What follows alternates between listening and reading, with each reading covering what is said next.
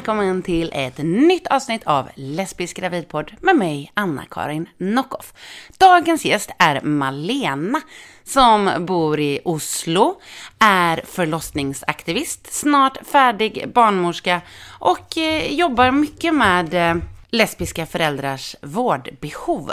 I det här avsnittet så kommer det pratas en hel del om amning och eh, då särskilt amning i queera relationer och samamning. Det blev ett väldigt intressant samtal och jag hoppas att du också kommer tycka att det är intressant och bra. Själv har jag återhittat en del av mig själv och det känns ju väldigt skönt. Jag var nämligen i Barcelona för ett tag sedan och där gjorde jag en comeback till burleskscenen. Och det var jättekul. Jag har inte uppträtt med burlesk på några år, men innan dess väldigt frekvent. Det ena ledde till det andra och sedan gjorde jag även en comeback till pinup och det känns också jättekul.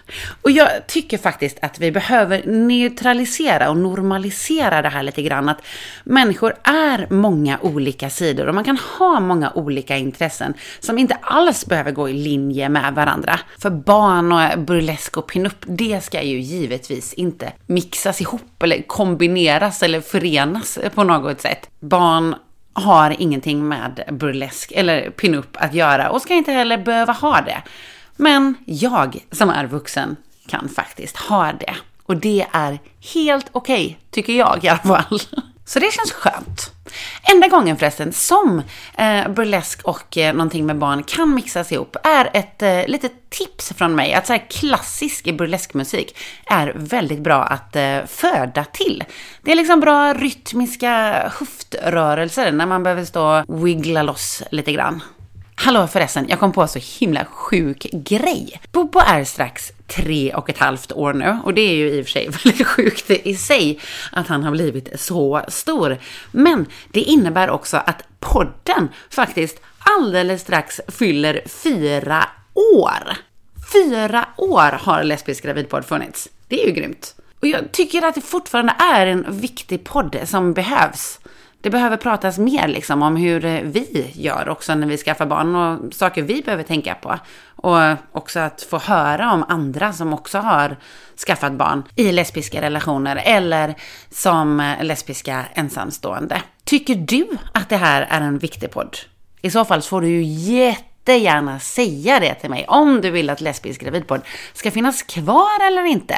Det vill jag gärna höra om. För ja, jag tycker ju som sagt det. Men det är lite svårt att få till tiden att göra avsnitt. Men ja, vi får se hur det blir med den saken. Nu tänker jag i alla fall att vi helt drastiskt går över till Malena.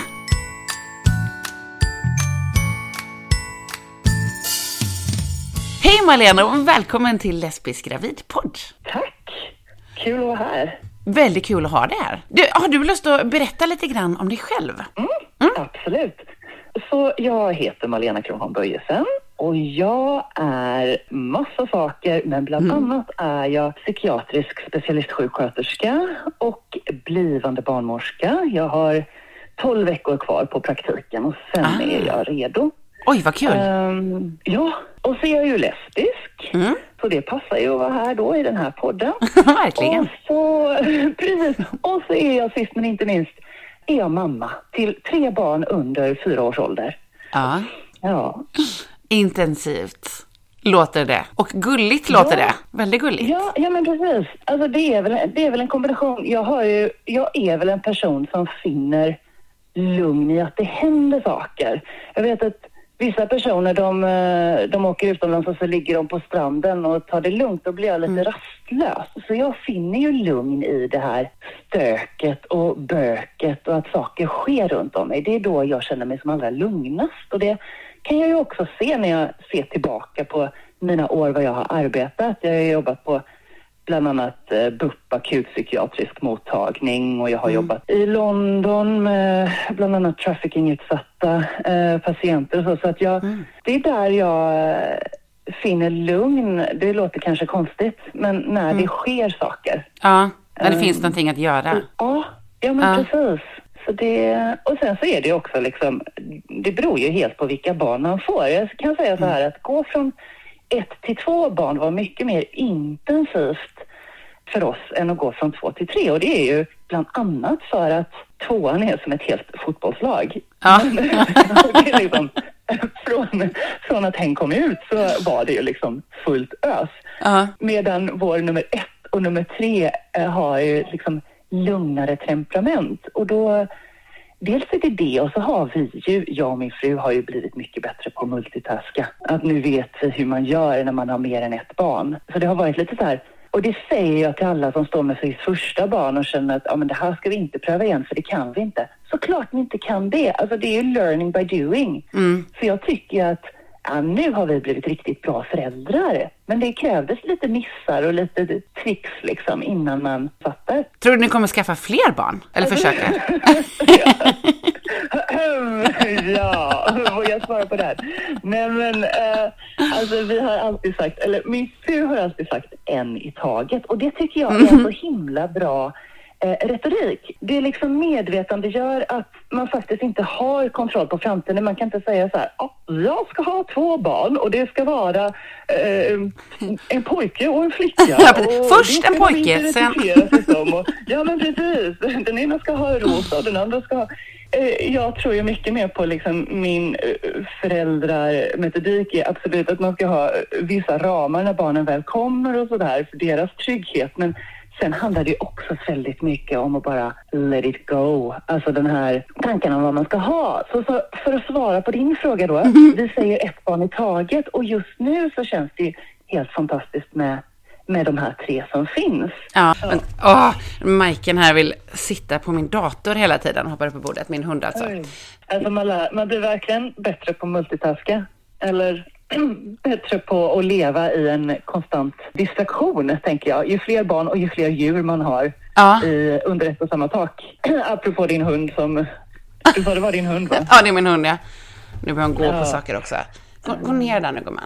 Och det är ju, alltså jag tänker på det särskilt nu i pandemitider och isolering och så. Det var så oerhört hårda restriktioner här under de här två åren att man behöver, det blir ännu tydligare i, i frånvaro av social närvaro. eh, Så blir det så tydligt att man behöver det för ja, men sitt psykiska välmående. Vi, vi människor är ju programmerade till att leva i flock och att vi, be, vi behöver det. Och är man isolerad alldeles för länge så skickar ju kroppen ut varningssignaler om att ding, ding, ding, så här ska det inte vara. Men gud så Om man intressant. tänker, ja, Ja, vad sa du? Så himla intressant. Jag bara tänker nu, det var så många Ja. som skaffade så här hund eller andra djur under eh, pandemin. Och undrar om det var till följd av det här att, nej men min flock. Du, det tror jag absolut. Alltså jag tror aldrig jag har sett så många valpar ute på promenad som Nej. eh, under de åren i Oslo alltså. Eh, och jag tror eh, det är en ty- tydlig korrelation, nu har jag inte gjort en vetenskaplig studie på det här, men jag tycker det finns ett tydligt samband mellan antal valpar som kom under pandemin och antalet människor som kände sig ensamma och isolerade. Det är verkligen tydligt. Och det som jag tycker var jobbigt kanske med, jag sa det tidigare, att det var tyngre för oss att gå från ett till två barn än från två till tre. Dels är det att vi känner oss mer rutinerade nu, hur man multitaskar. Och ja, det har med barnens liksom förprogrammerade personlighet att göra. Men en annan sak är ju att jag födde vår tvåa under pandemin. Ja. Och vi hade barnhagen stängde för vår äldsta. Och vi, det var konstiga restriktioner i början för det var liksom ingen som visste riktigt vad som skedde. Så det var superhårt där i början i Norge. Det var ju våren 2020. Alltså jag för mig de sa någonting om att man inte ens fick gå ut. Man fick bara gå till affären en gång om dagen. Och man skulle helst bara gå en. Och det var liksom sådär, man står och trampar vid dörren och bara, åh, när får vi gå till eh, affären och köpa mjölk?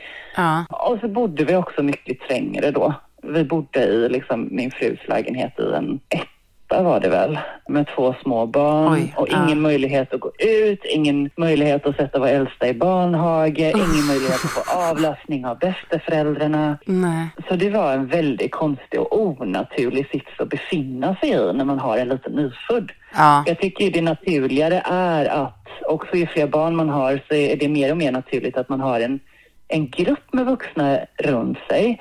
Och sen behöver de inte bo i samma hushåll som en själv. Men just det här med it takes a village tycker jag ju både att jag rent praktiskt i mitt egna privatliv har upptäckt mer och mer, men också i mitt yrkesliv. Jag jobbar på Barselhotellet kallas det, eh, med amningsrådgivning bland annat för Ah. nyförlösta. Mm. Och Barselhotellet, vad ska man säga att det är? Ja, men det är väl som en kombination av, vad har man i Sverige? BB och, alltså det är som BB fast utan eh, några somatiska eller psykiatriska komplikationer. Ja. Och normala förlossningar har man där på Spartum. Ja, okej. Och där har jag ju också märkt det, hur viktigt det är med just stöd. Mm. Särskilt för första barnet. Och om man ska liksom gå in mer på det här med den lesbiska tematiken eller samkönade och queera föräldrar generellt så tycker jag ju verkligen att jag har upptäckt ett behov där som inte tillgodoses. Mm. Det vill säga, ja men när det kommer till eh, möjlighet att dela amningen till exempel så är det ju många barnmorskor som inte ens känner till hur det är möjligt och kan då inte ge praktiska råd när en medmor som det kallas i, i Norge eller en partner säger att de är intresserade av att starta upp amning. Mm. Utan det har lite att göra med barnmorskans egen intresse om barnmorskan har möjlighet att ge queera föräldrar råd om eh, dels om det men också om många andra saker. Ja. Jag tycker Norge har, dels har de ett, en struktur och en organisation som är långt mer binär än vad Sverige har. Mm. Dels när det gäller journalsystem så står det ju fortfarande i, i texten, då står det far eh, istället för partner. Så att när man skriver ut den journaltexten så står det ju då att till vårt äldsta barn så står det att jag är far till vårt äldsta barn. Ja. Och sen våra två andra så är det min fru som är far. Ja. Så här kan man ju fira både mors och fars dag och alla dagar däremellan. Men så jag, så jag tänker att det finns liksom, för att göra en mer inkluderande vård och varselomsorg som det kallas här i Norge då, alltså den här perioden efter man har fått barn. För att göra den inkluderande så kan man göra mycket mer för queera föräldrar generellt. ja, men för du arbetar med den gruppen väl också, med eh, lesbiska föräldrars vårdbehov? Ja, och det gör jag ju parallellt då med mitt arbete där jag är fastanställd. Så håller jag även i, jag ska bland annat nu i februari så ska det vara en konferens för barnsjuksköterskor och barnmorskor. Mm. Eh, där jag ska föreläsa om just det här med samamning eller crossamning som det kallas. Och då är det ju inte bara för lesbiska par utan alla par. Och här finns det ju fantastisk forskning på hur man får igång mjölkproduktionen och det skiljer sig lite åt men det går ju att anpassa beroende på om man är cis eller trans. Nu har man den första vetenskapliga studien. Sen vet man ju att det kanske har funnits innan dess också men första vetenskapliga studien på en transkvinna som har fått igång mjölkproduktion. Mm. Och det är ju helt fantastiskt att man faktiskt har belägg för det. Ja. Och sen finns det ju också möjlighet för transmän att amma, men det beror lite på vad man har gjort för typer av behandlingar innan. Men även om man har haft vissa typer av top surgery till exempel så kan man ändå få igång mjölkproduktionen. Och då kallar det, liksom, om man ska ha internationell terminologi där så kallar man ju det då för chest feeding och inte för breastfeeding. Nej. Eh, och möjlighet till chest feeding finns så länge mjölkgångarna är intakta. Egentligen så finns det ju chans och möjlighet till det. Mm. Så det ska jag föreläsa om. Eh, Wow. Och även då för cis-kvinnor som inte har fått barn som vill få, vill få igång mjölkproduktionen. Där finns det många studier, framförallt från ja, men straighta par som har adopterat och som vill önskar amma. Men där finns det lite olika sätt att få igång mjölkproduktionen. Antingen med hormoner, kombinera hormoner med pumpning eller bara genom pumpning, så kallad power pumping. Och det har jag egen erfarenhet av också av. Vad intressant och viktigt att du ska föreläsa om det. Ja, Ja. det är jätteintressant. Jag tycker att det, det finns så mycket eh, information om det och ändå så är det så lite som har blivit impl- implementerat på till exempel barnmorskeutbildningen. Nu tycker jag generellt att barnmorskeutbildningen har alldeles för lite amningsrådgivning på sitt pensum. Och för att inte tala om läkarna som bara har en timme om amning tror jag, i alla fall på den norska läkarutbildningen. Oj. Så det är ju alldeles för lite kunskap som finns där ute generellt, men speciellt då när det kommer till redan marginaliserade individer som önskar få vård, så ser man det ännu tydligare. så det är jättepositivt att jag har blivit inbjuden till fler konferenser nu och får lov att föreläsa om det här. Ja. Eh, För kunskapen måste ut. Eh, Och det här tycker jag är en kortsiktig lösning. Den långsiktiga lösningen är ju att ändra utbildningen som finns och se till att faktiskt de som sitter och studerar lär sig mer om, om amning. Nu anses, idag anses ju amning vara en specialistkompetens som ofta även en färdigutbildad barnmorska inte kan så mycket om. Utan då kan man istället sen läsa vidare liksom externa kurser eh, och fördjupa sig i det. Och Ja. det är fantastiskt bara det här liksom att mjölken är en levande organism som anpassar sig ut efter vilken tid på dygnet som man ammar. Ja, det är Ehm, helt galet. och innehåller till exempel på kvällen så innehåller den mer melatonin som gör barnet sömnigt för att barnet kan inte producera det själv. Så det ska man tänka på om man pumpar ut mjölk Just eh, det. och stoppar upp i isen. Att man ska inte ge morgonmjölken på kvällen till exempel. Nej. Och det är en sån sak som många barnmorskor inte känner till. Nej, men Eh. det är ju en väldigt Och- viktig information. Eller hur? Ja, det Och visste är inte jag heller. Ja, nej. Och de flesta vet, vet ju inte de här sakerna för att, för att vi inte har lärt oss tillräckligt mycket om mjölken. Och, och också tillräckligt mycket om tekniken för amning. Alltså, man pratar om till exempel inåtvända bröstvårtor. Då är det en del som har fått råd om att de inte ska amma eller att de måste använda en sån här tuttnapp som man sätter på. Nu minns jag inte vad den heter på svenska. Mm. Men det finns ju också fall som visar att man kan ha inåtvända bröstvårtor och bebis lär sig suga på det bebis behöver suga på. Men också att bröstvårtorna sen kan ändra form.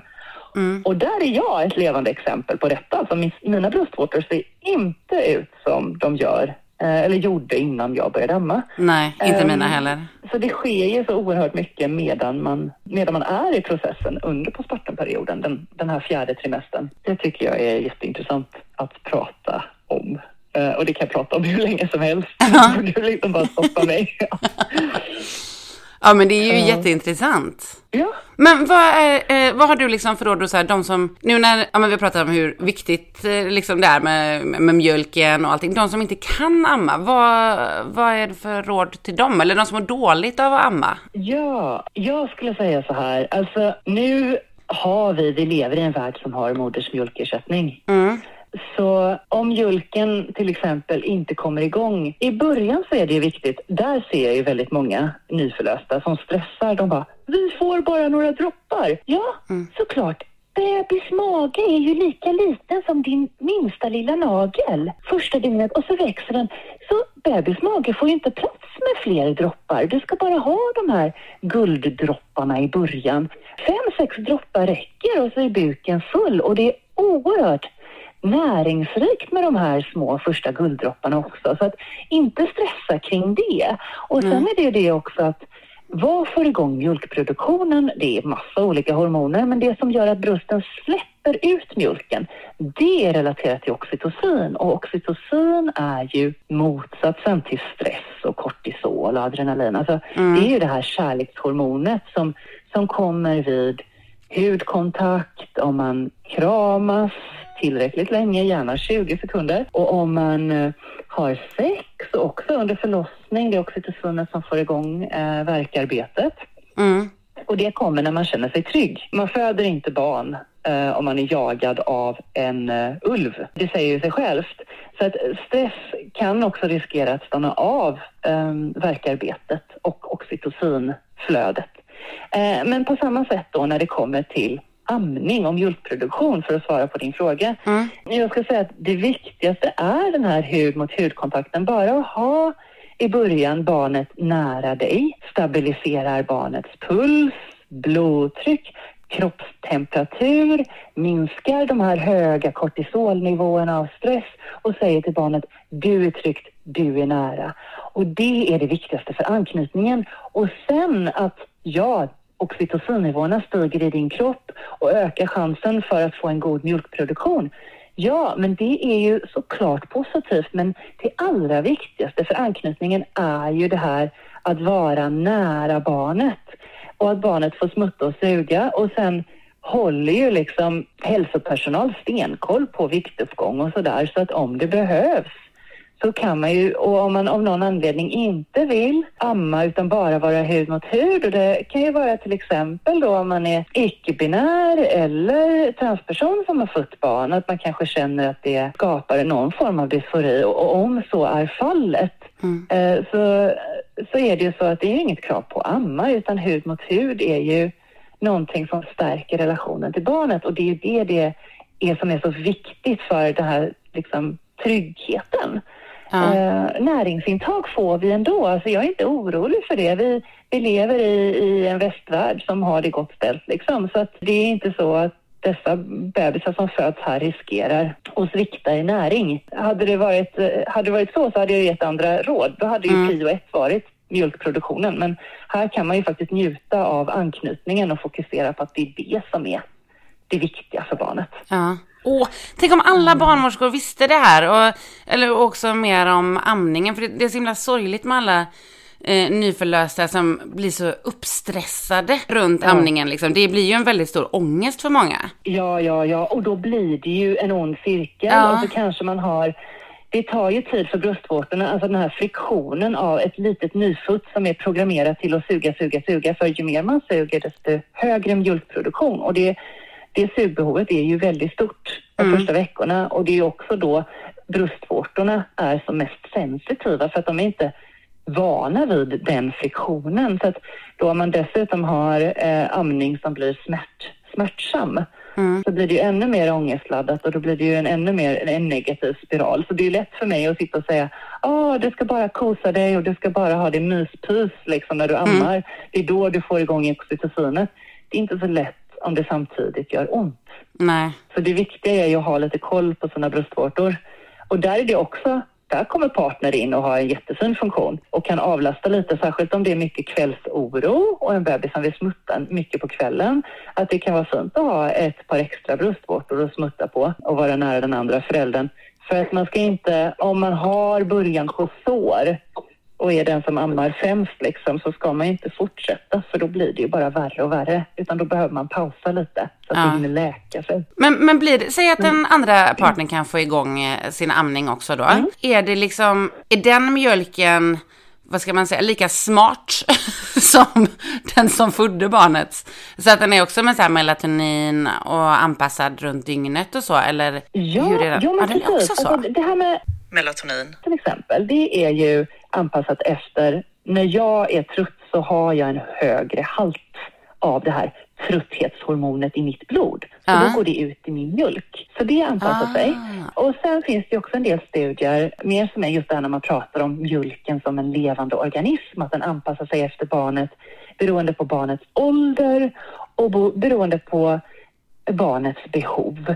Till exempel på sommaren när det är varmt och svettigt så behöver ju barnet dricka mer och blir törstigare. Mm. För då är mjölken lite vattnigare ah. jämfört med på vinterhalvåret då när man inte behöver utvattna mjölken. Då är den lite fetare. Mm. Det är då, det här kan jag inte tillräckligt mycket om, men vad jag vet och vad en jordmor förtalte mig, en barnmorska berättade för mig, är att brösten är, barnets saliv säger ganska mycket, ger en ganska god indikation på barnets behov mm. och att bröstvårtorna på något sätt plockar upp de här eh, kemiska signalerna och anpassar mjölken därefter. Men jag vågar liksom inte skriva i blod på att det här stämmer för jag har inte mm. läst de studierna själva. Men det, det vi vet och som studier visar är ju att mjölken är olika beroende på om det är varmt ute eller kallt ute, beroende på om barnet är sjukt eller friskt och beroende på tid på dygnet. Så mjölken har en fantastisk förmåga att anpassa sig och det gör den även eh, när det kommer till partner. Det som man ska tänka på är att om man har två barn, om man tandemammar till exempel, så man mm. har ett barn på ett och ett halvt år och så har man en liten nyfödd. Och det skedde ju med när jag födde min tvåa, hon var ju väldigt krävande, särskilt på kvällarna liksom. Ja. Eh, med ett högt energibehov och hon började gå vid nio månaders ålder så Oj. det är inte så konstigt att hon behövde liksom där, det går det på full rulle. Ja. Jag vet inte var hon har fått det ifrån. Men, men i vilket fall som helst, där var det ju så att det var oerhört skönt för mig att Kristin fortfarande hade mjölk. Ja. För då kunde jag få en break på kvällen. För det var liksom suga, suga, suga, suga som gällde med mm. våran tvåa. Men det som då var viktigt för oss att tänka på var att Kristins mjölk var fortfarande anpassad efter vårt första barn som ju var äldre. Ja. Så att eh, den hade ju antagligen ett annat näringsinnehåll. Men sen var ju jag den primära eh, amningsgivaren så att säga, eller mjölkgivaren. Så att, så då var ju inte det ett problem, utan Nej. det mesta mjölken kom från mig. Så för oss så funkade det ju helt fantastiskt att vi hade fyra bröst som producerade mjölk. Och det gick ju så bra till och med att Kristin fick säga, men du, nu, nu har det börjat rinna mjölk här från mig. Liksom. Nu, nu får vi sakta ner. Nu får vi, nu får vi sluta liksom för att jag måste på jobb. Och jag, liksom. så hon var ju hemma två veckor då och sen så var jag hemma i föräldraledighet första perioden, där, första fyra, fem månaderna. Ja. Så att hon, hon kunde inte sitta på jobbet med rinnande bröst. Liksom.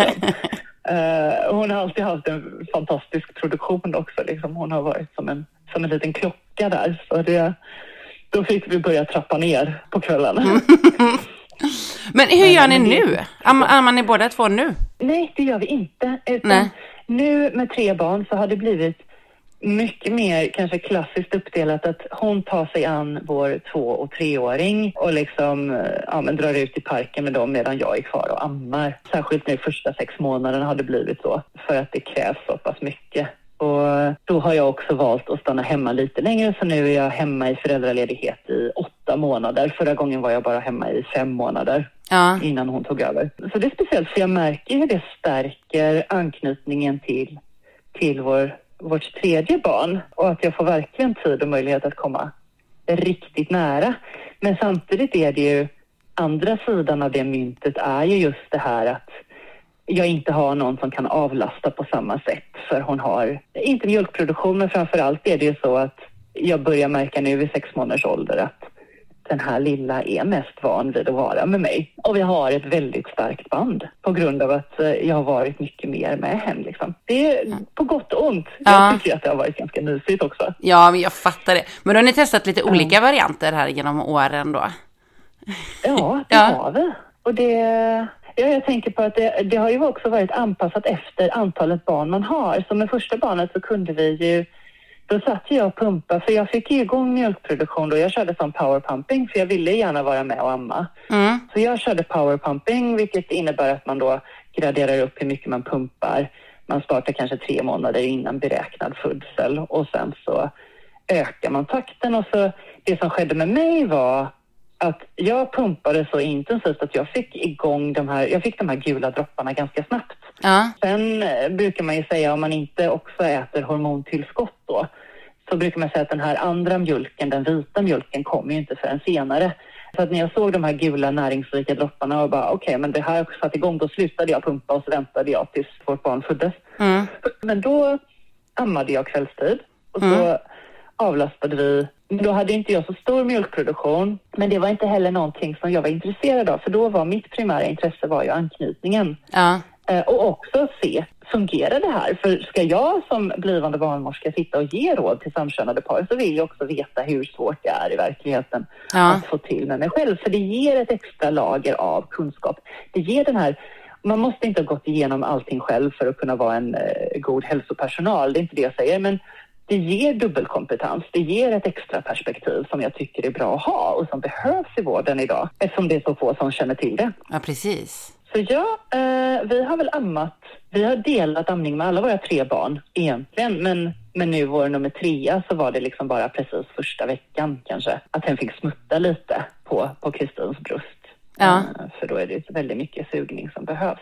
Och jag kan säga att det här hade jag aldrig gjort om inte två personer i mitt liv hade sagt någonting väldigt specifikt. Och det också visar så tydligt att det har så mycket att göra med individers liksom, privata intresse och, och hälsopersonals privata intresse i de här frågorna. Eh, den första personen som påverkade mig, det var en barnmorska som jag arbetade tillsammans med när jag jobbade i London. Och det var innan vi ens hade skaffat barn. Och hon frågade om vi ville ha barn och jag sa ja. Och så sa hon, ja vad fint, ska ni dela på amningen? Och det var det sättet hon sa det på. Hon var väldigt avslappnad och hon sa det som om det inte var någonting ovanligt. Nej. eller inte någonting konstigt. Så hon la ingen negativ värdering i det och det betyder jättemycket för mig att hon sa det så normalt. Och det andra som gjorde att det betydde mycket för mig var ju att jag hade aldrig hört talas om det här förut. Nej. Och då betydde det ju extra mycket att höra att det här var möjligt, för annars hade jag ju inte ens vetat det. Och jag har ju ändå alltid gått med bilden av, jag har alltid identifierat mig mer som, mer som kvinna än icke-binär liksom och alltid sett rollen som mamma varit väldigt stark, även som som barn. Mm. Um, att jag lekte mamma och så. Och rollen som mamma förknippas ju också med amning, inte bara med liksom, och det måste det inte göra, man kan identifiera sig som, som mamma utan att amma och utan att ha gått gravid, absolut. Mm. Uh, men för mig att höra det, att den möjligheten fanns, att jag kunde amma ett barn uh, som min fru har fött, det, det såg jag som väldigt stärkande i min, i min roll och i min identitet. Så det, det var väldigt fint. Och sen så tänkte jag väl inte så mycket mer på det och jag frågade ju barnmorskor när min fru blev gravid och det var barnmorskor som aldrig hade hört talas om det här och inte kunde ge några råd. Och vi fick en barnmorska av äldre generationen som ju antagligen växte upp när det var kriminellt. Det var, nej, inte kriminellt, men i alla fall psykisk sjukdom att vara homosexuell. Så mm. där kunde vi inte hämta så mycket. Men då bytte vi barnmorska och så fick vi en, och det här var den andra personen som jag tycker har påverkat mig i den här resan. Att lära mig mer om amning och amning som queera föräldrar. Och detta var en barnmorska som sa bara helt spontant, ja men så fint, jag blev ju ammad av min farmor. Jaha. Och hon har ju växt upp i ett land där detta är vanligare enligt henne själv och det är Indien. Mm. Och då har hon blivit eh, ammad av sin farmor och sin mamma men hennes mamma hade inte tillräckligt med mjölkproduktion. Nej. Så då var det alltså hennes, eh, hennes pappas mamma som, som hjälpte till och antagligen bodde tillsammans med dem. Det frågade jag aldrig. Men så för henne så var ju crossamning något helt naturligt och normalt. Och det tänker jag är ju egentligen om man ser kulturellt och historiskt så ser man ju att det har fungerat väldigt, väldigt fint. När man har kunnat mm. dela. Alltså jag tänker bara på en sån sak som om jag är ute med en sån grupp med mammor som har fött barn i samma ålder och jag ska gå på toa och deras barn ligger och sover. Så fint om jag bara kan räcka över bebis och säga du kan inte du ta över lite, jag ska bara gå och kissa. Ja. Alltså, det är ju så egentligen naturligt att, att vi delar på det vid behov. Och det tycker jag var väldigt skönt att höra från henne och också har fått mig att tänka lite på dagens norm, alltså det som är mest normalt och mest vanligt förekommande, det är ju väldigt tydligt ett en konstruktion skapad av mannens syn på vad amning är och mannens mm. syn på vad bröst är och att bröst har blivit någonting sexuellt och någonting som, som mannen har patent på att definiera snarare än det nyfödda barnet. Om ja. något så borde ju det nyfödda barnet få definiera vad brösten är och egentliga dess egentliga funktion. Mm. Och det tycker jag är väldigt tydligt här när man tänker på att liksom, när man känner att det, det är ju en del som till och med liksom får rysningar eller känner lite cringe av tanken på att jaha, ska man dela amning och, och att man ser någonting perverst med det. Och då tänker jag, nej, det perversa här är att vi inte kan se delad amning som något naturligt. Ja. För det är naturligt. Det perversa är att det finns en norm i samhället som har sagt att det är något konstigt. Ja. Så där, där tänker jag att man behöver jobba mer med, med att ändra människors syn på mjölkproduktionen. Liksom. Mm. Oh, gud, och det gör du ju verkligen. Är... Ja, jo, jag hoppas det. Alltså jag måste bara säga, jag är så himla imponerad av dig. När jag ammade så var jag bara som så här gröt i huvudet. Jag känner mig fortfarande sådan ett par år senare. Du är ju helt med och helt skarp. Hur kan du vara så med? det är jag nu. Och sen så vet du vad, så går jag och lägger mig så tar jag ett powernap på ja. två timmar med bebis. Och ja, så. skönt. så jag har, jag har mina grötiga perioder. Det... Men jag tror också det är det att ju mer jag pratar om det här, nu har jag pratat om det här mycket och så jobbar jag ju med det också. Och då ja. är det ju någonstans att den där informationen går på autopilot. Det är ingenting som jag har läst och lärt mig igår utan det har blivit ett sätt att leva nästan. Mm. Eh, så att jag, mång, många saker som jag säger till dig idag har jag ju sagt förut. Det sitter i ryggraden. Så det gör det lite lättare. Ja. Skönt att höra ändå. Ja, jag vet inte vad det Nej, jag bara... I Kom på det nu. Ja, aldrig reflekterat över det här förut. Nej. Skulle det inte kunna vara... Men du är ju också förlossningsaktivist. Ja, Ja. ja, men gud ja. Jag, det är jag. Jag är med i, bland annat är jag med i Birth Rights Norway Mm. och i någonting som kallas Varseluppröret. Och det är en organisation som har växt här de senaste åren och eh, fått riktig nationell genomslagskraft. Det är, en, det är ett slags uppror för att eh, de födande, eller postpartumperioden då, är så lite prioriterad av vården och politiker. Mm. Eh, Så där är jag engagerad och försöker få in ett mer queert och intersektionellt perspektiv. För det blir mycket i de grupperna, kvinna, kvinna, kvinna, pappa, Ja. pappa, pappa. Och men, men ibland är det också lite så att jag tänker choose your battles Mm. Eh, och att det finns ehm, olika forum för olika typer av kamper. Men där är jag aktiv i bland annat att då prata om det absurda i att jag som blivande barnmorska lär mig en sak på universitetet och i teorin om vem jag ska vara, alltså värna om det här trygga. Vi pratade om vikten av oxytocinfrisättning, trygghets kärlekshormonet när man ska föda barn och det är det jag lär mig i skolan. Och sen kontrasten med det, hur det ser ut, dagens verklighet för barnmorskor. Det är en paradox. För att här sätts vi in som några slags robotar och bara det här att springa i korridoren för att man har flera i aktiv förlossning samtidigt Ja. leder ju till det vi kallar för affektsmitta. Alltså att min känsla av stress smittar ju av sig oavsett hur fint bemötande jag försöker ge. Måste jag röra mig snabbare och kan jag inte vara närvarande i rummet med den födande så gör ju det att stressen hos den födande ökar och det ökar risken för att det här systemet i amygdala ska sätta igång, alltså fight, flight, freeze. Och man föder inte om ett lejon är efter en liksom. Nej. Det säger sig självt. Kroppen vill föda när den är frisk och när den är trygg. Och det, det blir något paradoxalt i det och, och något väldigt konstigt. Och det är därför jag har engagerat mig mer och mer. För jag inser att jag har lärt mig i mitt blivande yrke vad jag ska göra men sen släpps jag ut på golvet och så ska jag göra det motsatta. ja, det är ju helt absurt. Det är helt, alltså, då Ja. har de ju inte tänkt politikerna. Då Nej. har de inte tänkt någonstans. Så det här systemet måste ju vändas rätt upp och ner och det är det jag säger i Norge gång på gång när jag är med på demonstrationer och så, håller tal och så och då jämför jag ju med Sverige att det är ju som ett skepp på väg mot ett isberg och vi ser ju vad som hände i till exempel framförallt Stockholmsregionen under hösten 2021 när 141 barnmorskor under loppet av bara några månader sa upp sig Ja. i Stockholm.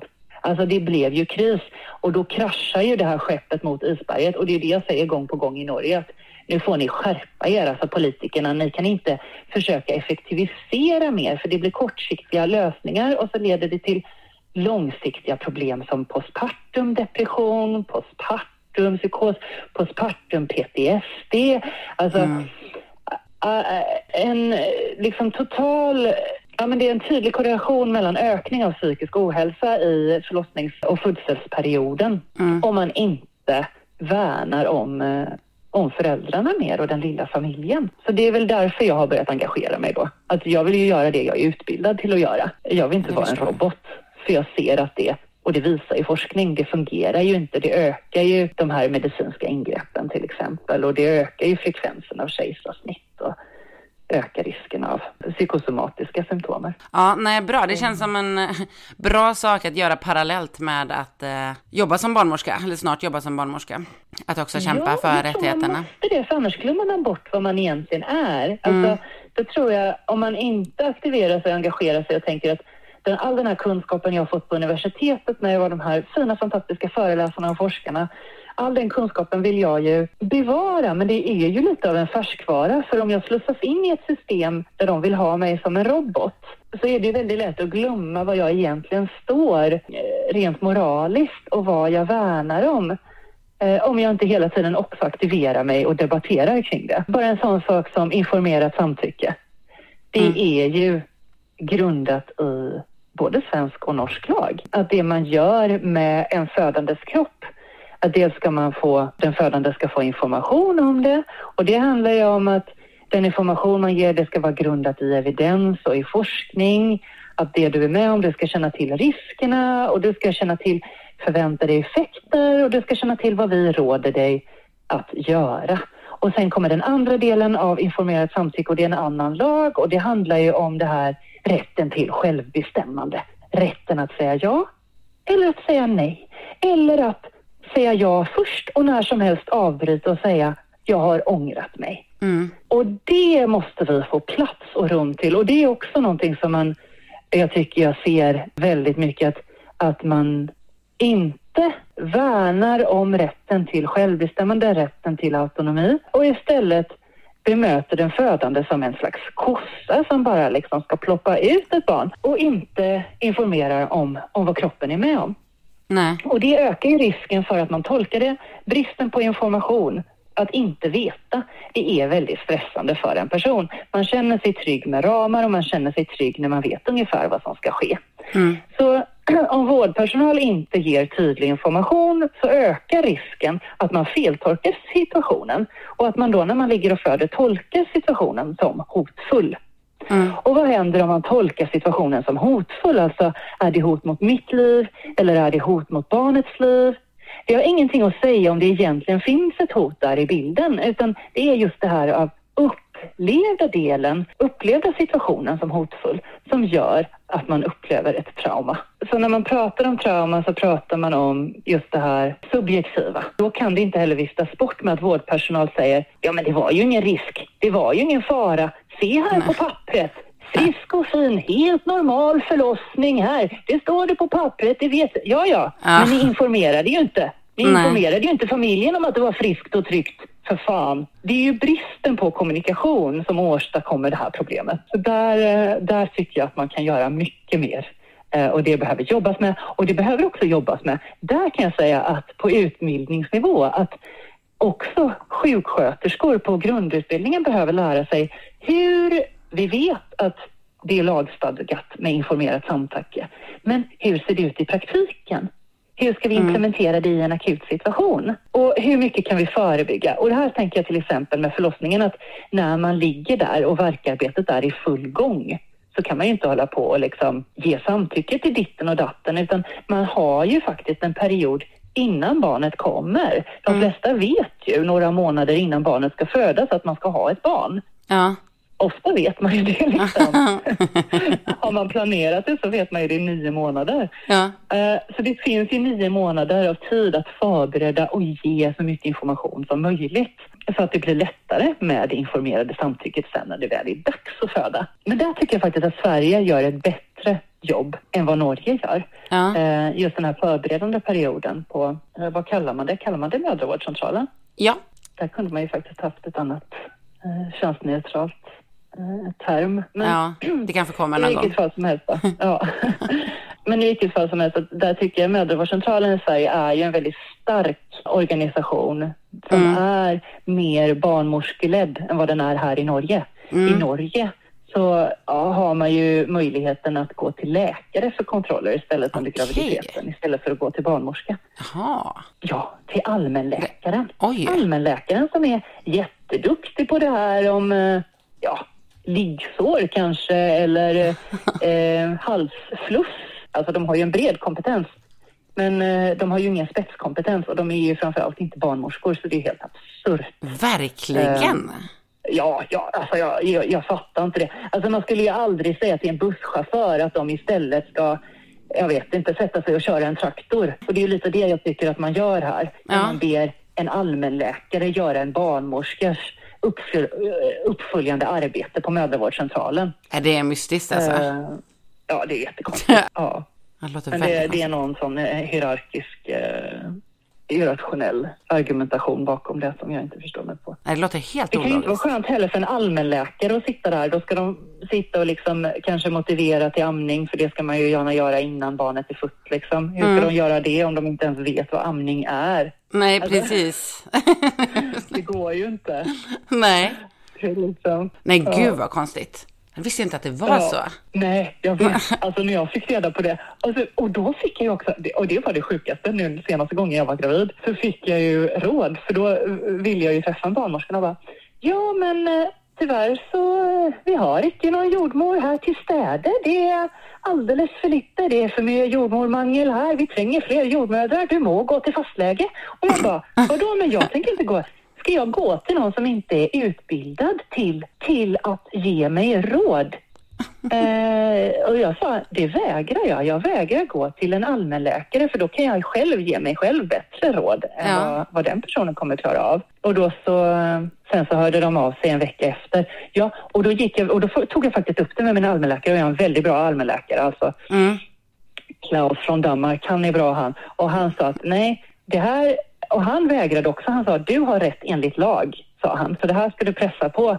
Och om, eh, om du inte får en barnmorska så, så kontakta mig igen så kontaktar jag dem. Liksom. Okej, och sen så hörde de av sig en vecka efteråt och så hade de fixat en barnmorska till mig. Ja, men gud vad bra. Ehm, ja, men det är ju för att det är, det är barnmorskebrist. Liksom. Ja. Så att då, då försöker de mer och mer pressa på att man går till läkare istället. Man har laglig rätt att vägra. Liksom. Man har, enligt i alla fall min läkare då, så har man rätt att vägra att gå till en läkare få en barnmorska.